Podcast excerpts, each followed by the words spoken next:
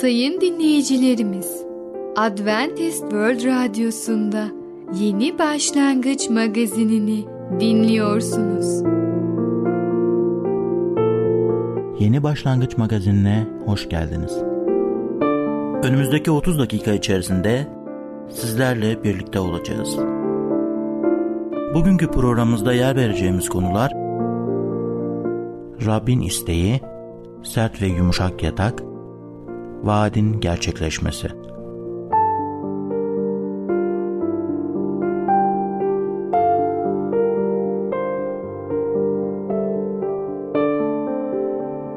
Adventist World Radyosu'nu dinliyorsunuz.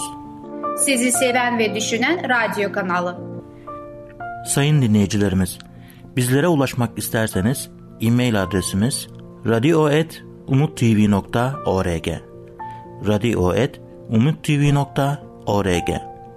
Bizlere WhatsApp yoluyla da ulaşabilirsiniz. WhatsApp numaramız 00961 357 997 867 06 00961 357 997 867 06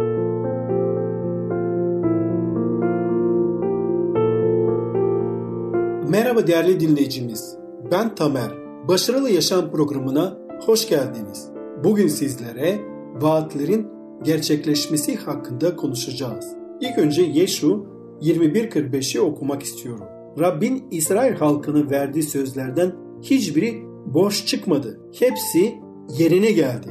Tanrı vaatlerini yerine getirir, uyarılarını da yerine getirir. Yeşu, Tanrı'nın İsrail'e verdiği tüm vaatleri yerine getirdiğini, hiçbirinin boş çıkmadığını bildirmiştir. Bu da teselli edici ve güvence vericidir. Yeşu bundan sonra İsrail'e Tanrı'nın kendilerine Musa aracılığıyla verdiği tüm buyrukları dikkatle yerine getirmeleri için yalvarmıştı. Onlara Musa'nın yasa kitabında yazılı olan her şeyi korumak ve yerine getirmek için çok güçlü olun. Yazılarından sağa sola sapmayın diye öğüt vermişti. Yeşu Tanrı'nın buyruklarının yerine getirilmesi için çağrıda bulunmuştu. Yerine getirmek, gereğini yapmak, dikkatle ilgilenmek, kayıptan korumak, gözetmek anlamına gelir. Buyrukları korumanın yanı sıra onları yerine getirmeleri de gerekiyordu. Yeşu bundan sonra İsrail'i uyarmıştı. Tanrı'yı sevmeyi ve buyruklarına itaat etmeyi bırakırlarsa Tanrı artık düşman ulusların önlerinden kaçmasını sağlamayacaktı. Bu uluslar onlar için bir tuzak olacak ve onları tuzağa düşüreceklerdi. Tanrı vaatlerini yerine getirir, bereketleriyle ilgili iyi vaatlerini yerine getirdiği gibi bereketlerinin geri çekme vaatlerini de yerine getirecekti. Tanrımız Rabbin size buyurduğu anlaşmayı bozarsanız bu güzel ülkeden çabucak yok olup gideceksiniz diyor Yeşu 23.16'da. Kutsal kitap tarihine göre Tanrı İsrail kendisini tam bir şekilde izlemediği için topraklarını kaybedeceği vaadini yerine getirilmiştir. Kutsal kitap vaatlerle İsa Mesih aracılığıyla sonsuza yaşam ve günahın bağışlanması dünyanın veremeyeceği esinlik ve sevinç ve sonsuzluk boyunca cennette ödül vaatleriyle doludur. Tanrı ruha eken sadık kişiler için vaatlerini yerine getirir. Ancak benliğe eken sadık olmayan kişiler için yıkım biçme de İsrail için olduğu gibi şimdi de gerçekleşecek olan bir vaattir. İyi vaatlerin biçilmesi sadık kişilerin Tanrı'nın yasalarını yerine getirip korunmasıyla gerçekleştirir. Bu yüzden sadık olun. Rab'deki çabanız boşuna değildir. Tanrı ektiğiniz tohumlardan bir hasat vaat etmiştir. Bir gerçek var. İsa Mesih dünyaya geldi. Bir cuma günü çarmıha gerildi. Öldü ve cumartesi mezarda geçirdi. Ve bir pazar günü de dirildi. Onun gelişiyle tarih ikiye bölündü. İsa'dan önce ve İsa'dan sonra. İsa'nın ölmeden bir hafta önce Yarışilim'e girdiğini biliyoruz. Birçok kişi İsa'nın Yarışilim'e girişini kutladı. İsa Yarışilim'e bir kral olarak girdi. Peki nasıl bir kral? Kutsal yazılar bu konuda ne diyor? İsa doğmadan 500 yıl önce Zekeriya İsa'nın bir kral olarak Yarışilim'e gireceğini haber verdi. Zekeriya 9.9'da Ey Siyon kızı Sevinçle coş, sevinç çığlıkları ey Yeruşalim kızı. İşte kralın, o adil kurtarıcı ve alçak gönüllüdür. Eşeğe evet sıpağa, eşek yavrusuna binmiş sana geliyor diyor. Sizce nasıl bir kraldan bahsediyor? Bildiğimiz kral kavramından farklı bir kral değil mi? Normalde hepimiz kralların ülkeye trompetlerle bir ad üstünde ve askerleriyle girdiğini düşünürüz. Ama İsa yalnızca bir sıpaya binmiş adil kurtarıcı ve alçak gönüllü bir kral. Matta 21 birden 10'a kadar ise Beytfacı köyünde geldiklerinde İsa öğrencilerini önden gönderip kendisini için bir eşek bir sıpa getirmelerini istiyor. Aslında bu köyde İsa'nın ölümden dirildiği Lazar oturuyordu.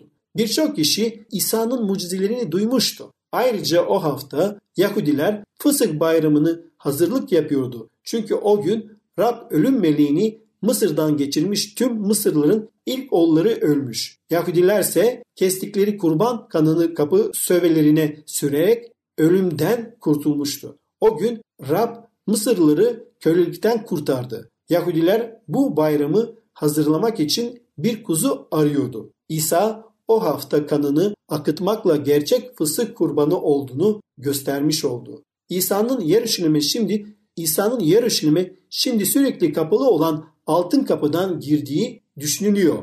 İsa öğrencilerinden bir eşek ve sıpa istiyor ve Matta 21.6'da da öğrenciler gidip İsa'nın kendilerine buyurduğu gibi yaptılar yazıyor.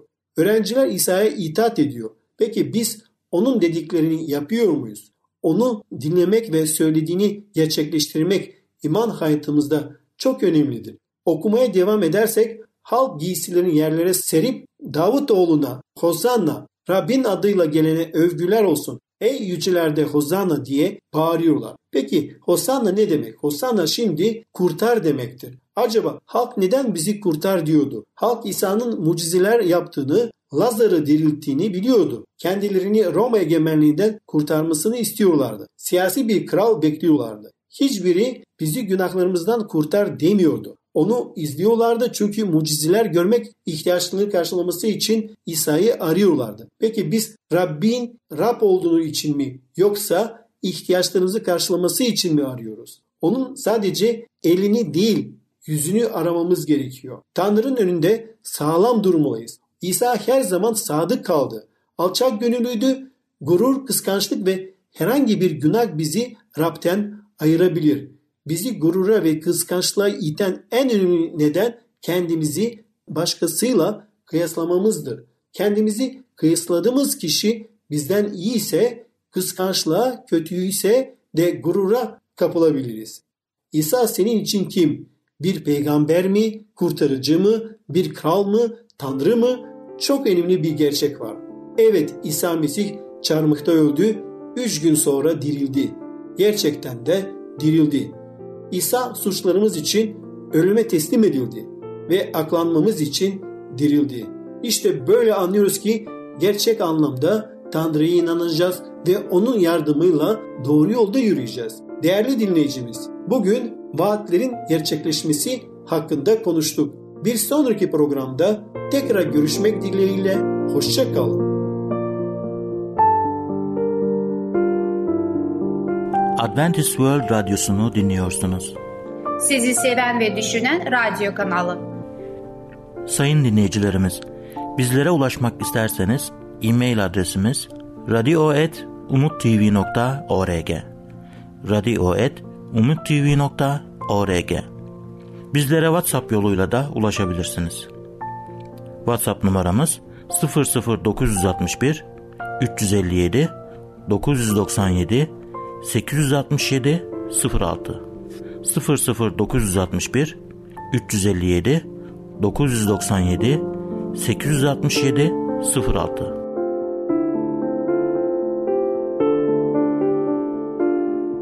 Merhaba sayın dinleyicimiz. Ben Fidan. Yeni başlangıç programımıza hoş geldiniz. Bugün sizinle birlikte sert ve yumuşak yatak adlı konuyu öğreneceğiz. Bakalım sert yatak mı, yumuşak yatak mı daha iyi? Sert ve yumuşak yatak. Çoğu insanın omurgası o denli bozulmuştur ki düzeltmek çok uzun zaman ve büyük sabır gerektirir. Ağrılar bizim dilediğimiz kadar hızlı yok olmazlar. Yine de her şeyi düzeltmek mümkündür. Sağlığımıza özen gösterme alışkanlığı kazanmalı ve bedenimizin koruyucusu olduğumuzu anlamalıyız. Omurgamızı güçlü ve sağlıklı tutmak için sert bir yatakta yatmalı, sert yastıklar kullanmalı ve her gün egzersiz yapma alışkanlığı edinmeliyiz. Hayatımızın yaklaşık üçte birini uyuyarak geçiriyoruz. Uyuduğumuz zaman kaslarımız gevşer ve bedenimiz esner. Uyurken yaptığımız hareketlerin tümü uyanıkken yaptıklarımızdan farklıdır. Uyurken yaptığımız hareketler daha az enerji gerektirir ve uyku zamanı omurgamızın sağlığını geri kazanması için en iyi zamandır. Üzerinde uyuduğumuz yatak uykumuzu rahatsız kılmama kaydıyla mümkün olduğu kadar sert olmalıdır. Düz bir şekilde sırt üstü yatarak kollarımızı yanımıza uzatarak ve bacaklarımız gevşek bir halde uyumalıyız. Bu şekilde ağırlığımız eşit olarak dağılır. Kaslarımız son derece gevşer ve omurgamızda gün boyunca oluşmuş bütün yer değiştirmeler hafifçe düzelir. Bu konumda kalp çok az gerilim altında çalışır. Kanı kolaylıkla pompalar ve dolaşım gayet kolay gerçekleşir. Karaciğerlerimiz bedenimizdeki toksinleri uzaklaştırmaktan sorumlu olduğu için daha iyi kan dolaşımı onun da görevinin kolaylaşması anlamına gelir. İyi çalışan bir karaciğer, iyi çalışan bir metabolizma demektir. Sert bir yatak üzerinde bu şekilde 2 ay süreyle yatarak 3 ila 5 kilo kaybetmemiz ve pek çok sağlık sorunundan kurtulmamız mümkündür. Sert yatakta yattığımız ilk birkaç gün kaslarımız ve omurgamızda ağrı hissedebiliriz. Omurgadaki eğrilikler düzeldikten sonra yani 10-14 gün içinde bu ağrılar ortadan kalkacaktır. Yumuşak bir yatakta yatmak neden zararlıdır? Karaciğerlerimiz bedenimizin kimya laboratuvarıdır. Tamamı metabolizma olarak bilinen binlerce kimyasal tepkime bu laboratuvarın iyi çalışmasına bağlıdır. Bilimsel çalışmalar 3.den 20.ye kadar olan göğüs omurlarının düzenli aralıklı olmasının karaciğerlerin işlevini layıkıyla yerine getirmesini sağladığını gösteriyor. Yumuşak yataklarda yatan insanların bu omurları her zaman eğri durur ve bu da karaciğerlerin çalışmasını olumsuz yönde etkiler. Yataklarımızın niteliğinin omurgamızın üzerinde ve dolayısıyla genel sağlığımız üzerinde büyük etkisi vardır. Sert bir yatak ve küçük bir yastık kullanıldığında omurga düzgün konumlanır. Yumuşak bir yatakta ve yüksek bir yastıkta yattığımız zaman omurgamız eğilir ve rahatsızlanır.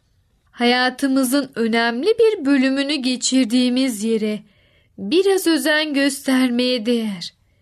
Yatağımız, sağlığımız üzerinde gerilim ve hasar yaratmak yerine ona hizmet etmelidir.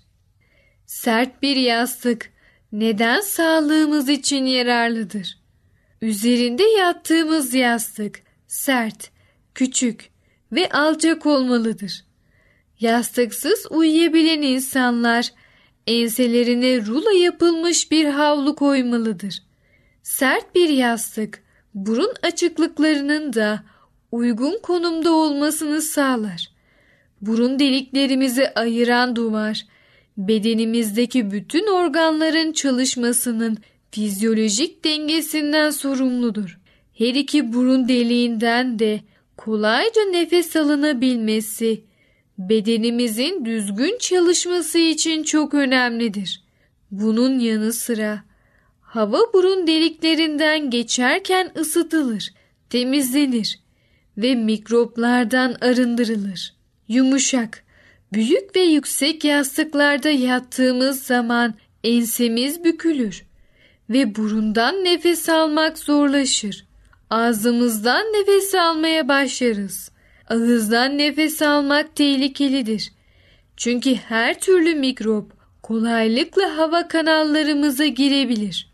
Sık sık soğuk algınlığına yakalanmak, boğaz rahatsızlıkları ve bronş hastalıkları yüksek ve yumuşak yastıklarda yatmanın sonucudur. Evet sayın dinleyicimiz. Sert ve Yumuşak Yatak adlı programımızı dinlediniz. Lütfen siz de omurga sağlığınız için rahatsız etmeyecek şekilde sert yatakları tercih edin. Bir sonraki programımızda tekrar görüşene kadar kendinize çok iyi bakın ve sağlıcakla kalın. Adventist World Radyosu'nu dinliyorsunuz. Sizi seven ve düşünen radyo kanalı.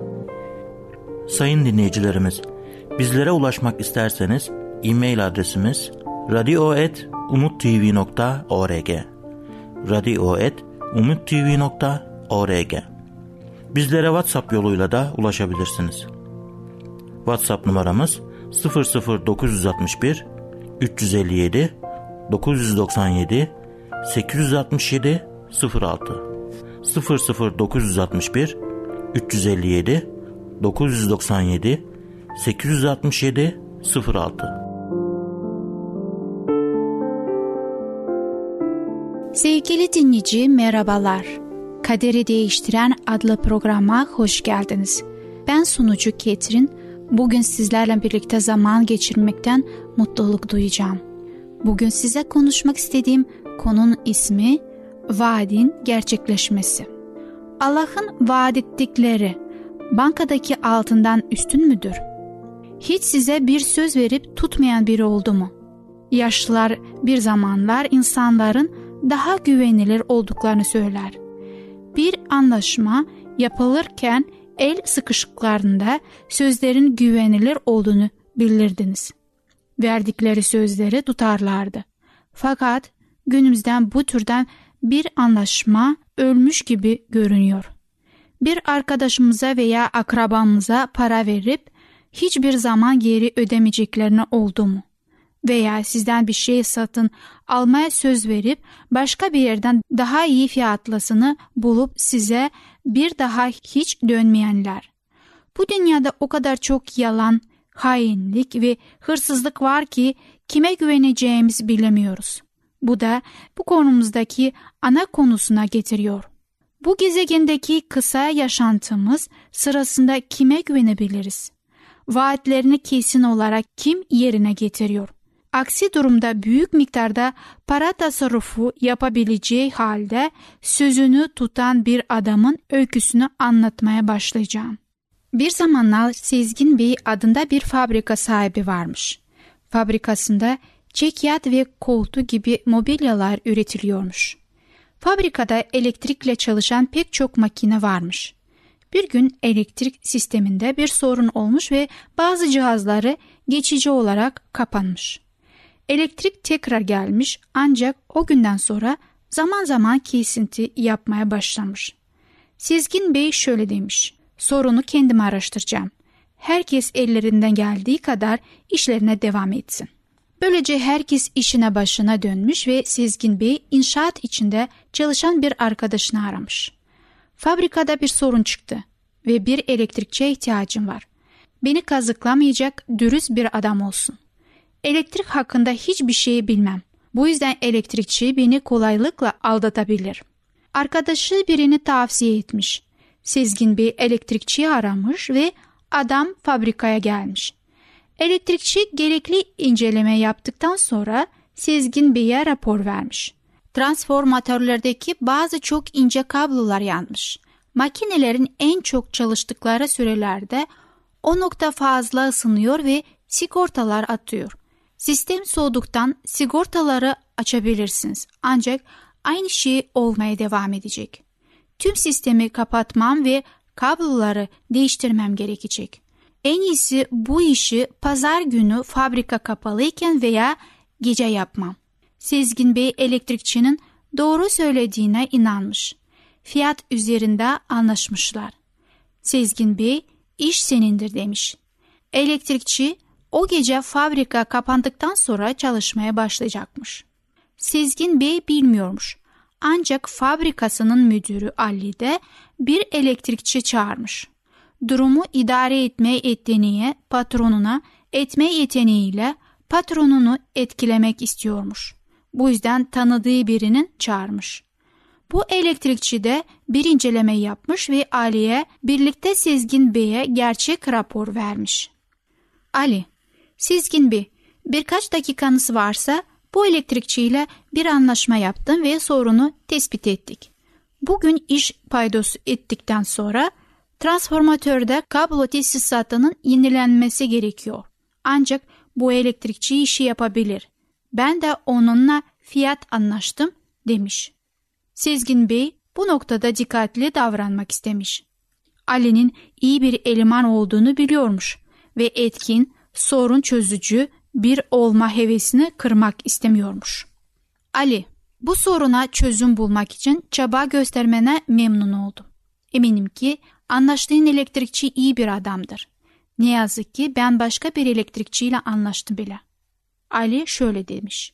Diğer elektrikçiyi arayıp gelmemesini bildirebiliriz. Yardımına ihtiyacımız kalmadığını söyleyebiliriz. Sezgin Bey düşünceli bir şekilde Ali'ye bakıp şöyle demiş. Korkarım ki bu mümkün değil. Sözümü verdim. Ali yine de çabaların işe yaramasını istemiş. Eminim bu elektrikçi de işi en az diğer kadar iyi yapabilir. Zaten kendisi burada diğer elektrikçinin işe diğer elektrikçinin ise tekrar gelmesi gerekecek. Ücretleri karşılaştıralım. Ücretleri karşılaştırmışlar ve Ali'nin bulduğu elektrikçinin fiyatı 200 lira düşük çıkmış. Bakın benim elektrikçimin ücreti daha bile düşük. Bu doğru Ali. Ancak bir sorun var. Nedir o? Ali hakkında bilgisi olmadığı bir şey olmasından korkarak sormuş. İş başka. Birine verme söz verdim ve sözümü tutacağım. Kendi anlaştığım elektrikçiyle çalışmak senin seçtiğin daha kötü olduğunu söyleyemiyorum. Daha kötü olabilir olmayabilir de. Fakat ben bir söz verdim ve sözümü tutacağım.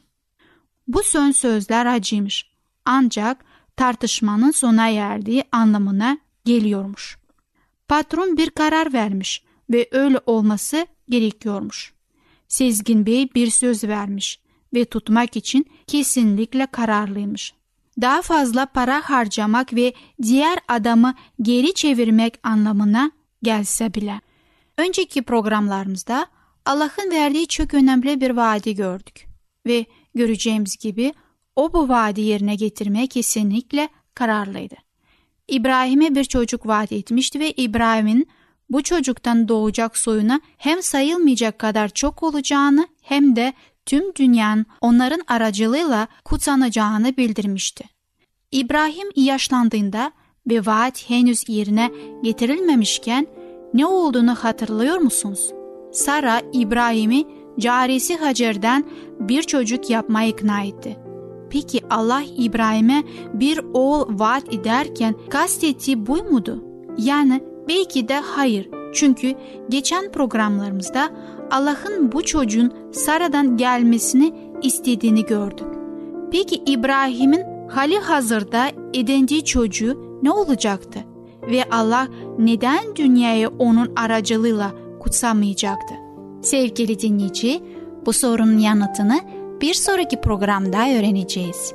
Şimdilik hoşçakalın. Adventist World Radyosu'nu dinliyorsunuz. Sizi seven ve düşünen radyo kanalı. Sayın dinleyicilerimiz, bizlere ulaşmak isterseniz e-mail adresimiz radio.umutv.org radio.umutv.org Bizlere WhatsApp yoluyla da ulaşabilirsiniz.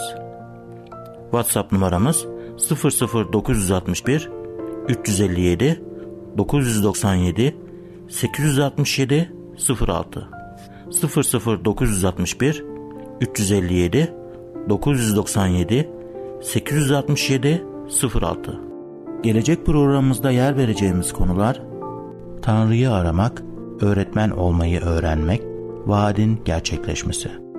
Yeni Başlangıç adlı programımızı pazar, salı ve perşembe günleri aynı saatte dinleyebilirsiniz. Bir programımızın daha sonuna geldik.